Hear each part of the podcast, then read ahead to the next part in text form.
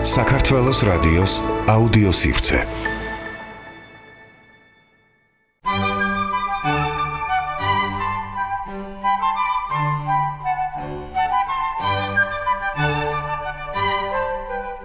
კლასიკას წარმოგიდგენთ მარიკა ჩიჯავაძე.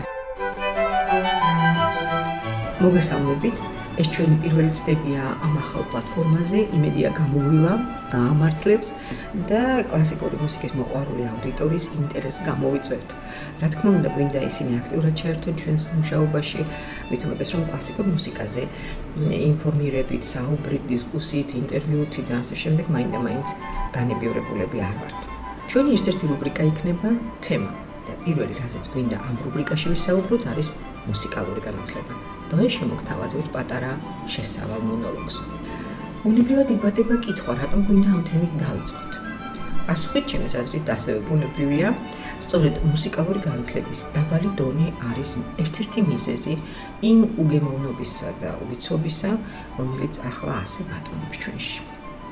როდესაც მუსიკალურ განათლებაზე ვსაუბრობთ, მკვეთრად უნდა გავმიჯნოთ უნებრივია პროფესიული და ზოგადი მუსიკალური განათლება. ისინი ერთმანეთზეა გადაჭაჭული, მაგრამ მაინც არსებითად განსხვავდება ერთმანეთისგან. ვინაიდან ზოგადი განათლება უფრო საყოველთაოა და ის უნდა ქმნიდეს საზოგადოების საერთო დონეს, ჩვენ სწორედ აქედან გვინდა რომ დავიწყოთ. ისტორიულად ცოტა უკან მინდა დავიხიო და იმ ავაცახსენებელი საბჭოთა კავშირის დრო გავიხსენო. მაშინ ელემენტარული მუსიკალური განათლების მიღება ეგრეთ წოდებულ მუსიკალურ შვიცლებსა და საშუალო სკოლებთან არსებულ მუსიკალურ სტუდიებში თითქოს და აუცილებელიც კი იყო. მართალია, ბევრი არ ამთავრებდა ამ სკოლას, მაგრამ საკმაოდ დიდი ნაწილი ეუფლებოდა ამა თუ იმ საკრავს, კითხულობდა ნოტებს, იღებდა მუსიკალური განათლების მინიმუმს მაინც. აქედან ნაწილი იყარებდა კლასიკურ მუსიკას და კარგი მსმენელიც ხდებოდა. და სხვათა შორის დღესაც საკონცერტო დარბაზებსა თუ მუსიკალურ თეატრებში მსმენელის აუდიტორიის ძირითადი ნაწილი, რა თქმა უნდა, პროფესიონალი მუსიკოსები არიან, მაგრამ მათთან ერთად საკმაოდ ბევრია სწორედ ასეთ განათლება მიღებული მსმენელი. გასული საუკუნის 90-იან წლებში, განსაკუთრებით პირველ ნახევარში, მუსიკისტვის კი არა, ზოგადად საშუალო განათლების მდგომარეობაც ძალიან დამძიმდა. მას შემდეგ რაც გაუქმდა სკოლებთან არსებული სტუდიები და სახელმწიფო პრაქტიკულად უარი თქვა სამუსიკო სკოლების დაფინანსებაზე, ეს სკოლები ძირითადად მხოლოდ თვით დაფინანსებაზე გადავიდა. ამ საკითხებზე და კიდევ ბევრ სხვა თემაზე უფრო დეტალურ და ზუსტ ინფორმაციას მომდევნო შეხვედრებისას მოგაძვით, ოდესაც უფრო ინფორმირებული ადამიანები ამ საკითხში იქნებიან ჩვენი სტუმრები.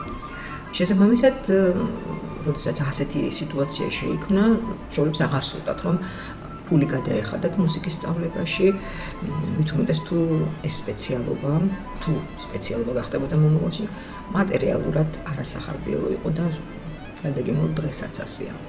ვისაც საშუალება ჰქონდა ისევ კერძო მასწავლებლებს მიმართავდა და ისინი დასწავლიდნენ იმას, რაც უნდოდა მშობელს. მუსიკის ზოგადი განათლების მიღებამ ძირითადად საშუალო სკოლებში გადაინაცვლა, სადაც ვწდები 9 კლასის ჩათვლით ასწავლიან მუსიკას. მაგრამ აქ ხშირად ან სხვა საგნის პედაგოგებს, ან არასაკმაოდ პროფესიულად მომზადებულ მუსიკოს პედაგოგებს მიყავდათ კურსი. საქმის გამოსასწორებლად მუსიკაშიც დაიწყო პედაგოგების ტესტირება. მეც მომიწია, თუ არ ვწდები პირველი იყო, როდესაც მუსიკაში ჩატარდა ტესტირება, რამდენიმე წლის წინ, ამ ტესტების შესწორება მეც მომიწია და მართლა გითხრათ, შოკირებული ვიყავი, გაუგნებული ვიყავი, ესეთი დაბალი პროფესიული დონე იყო, გეხარო და თუ ცალკეული ძალიან იშვიათი შემთხვევები რაღაც რამდენიმე კითხვაზე მაინც დადებით პასუხს იძლეოდა, თუმცა იყო გამონაკლისები სადაც ჩანდა რომ პედაგოგი პროფესიულად მაღალ დონეზეა. მართალი გითხრათ, არ ვიცი ახლა როგორ მდგომარეობა, იმიტომ რომ ეს რამდენიმე წლის წინ იყო და შეიძლება რაღაც დადებითისკენ შეიცვალა ამის შესახებაც ჩვენი მომდევნო გადაცემების სტუმრები ისაუბრებენ. ფიქრობ, რომ სპეციალიზებული სამუსიკო სკოლების საკითხიც და ზოგადად საკანონმდებლო სკოლებშიც მუსიკის სწავლებაც ფართო განხილვის საგანი უნდა იყოს და ამიტომ გადავწყვეტი ამ თემაზე საუბრით დავიწყოთ ეს ციკლი. ქართული ხალხური და პროფესიული მუსიკა ყველა ვიცით რომ არის ის დარგები, რომელთაც სამართლიანად ამაყობს ჩვენი ქვეყანა და რომელიც აცნობს ჩვენ თავს თელ სოფლიოს.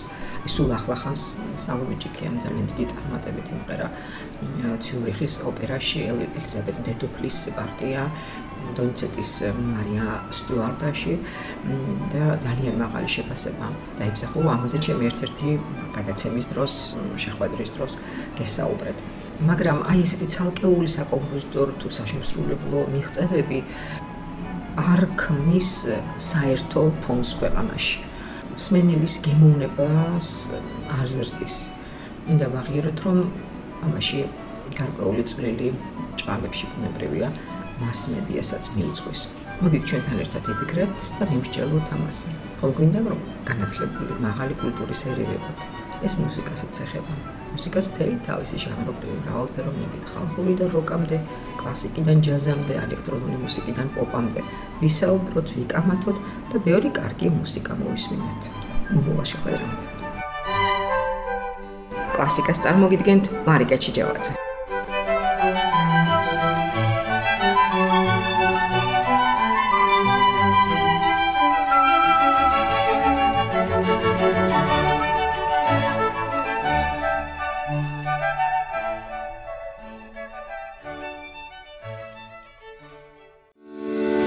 თქვენ უსმენთ საქართველოს რადიოს აუდიოსივრცეს.